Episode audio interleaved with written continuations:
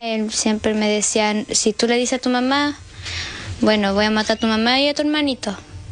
Y del puro miedo no le dije nada a mi mamá. Belén säger att mannen sa åt henne att hon absolut inte fick berätta för någon om vad han hade gjort mot henne. Om hon pratade om det skulle han döda hennes mamma och hennes lillebror. Men Belén blev gravid och valde till slut att berätta ändå, trots att hon var jätterädd. Belens historia har gjort många människor i Chile arga. De tycker att flickan måste få göra abort. Hon har inte valt att bli gravid och det är farligt för henne att föda barn.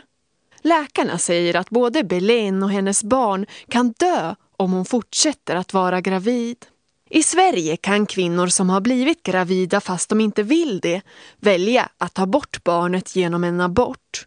Chile däremot är ett av de länder i världen där det är helt förbjudet att göra abort.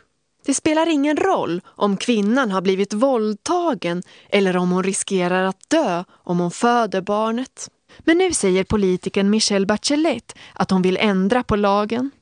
Det är inte okej att kvinnors liv är i fara som för 11-årige Belén, säger hon. I november i år ska Chiles folk välja landets president och Michelle Bachelet är en av dem som tävlar om att bli ny president. Om kvinnor ska få göra abort eller inte kan bli en viktig fråga i valet.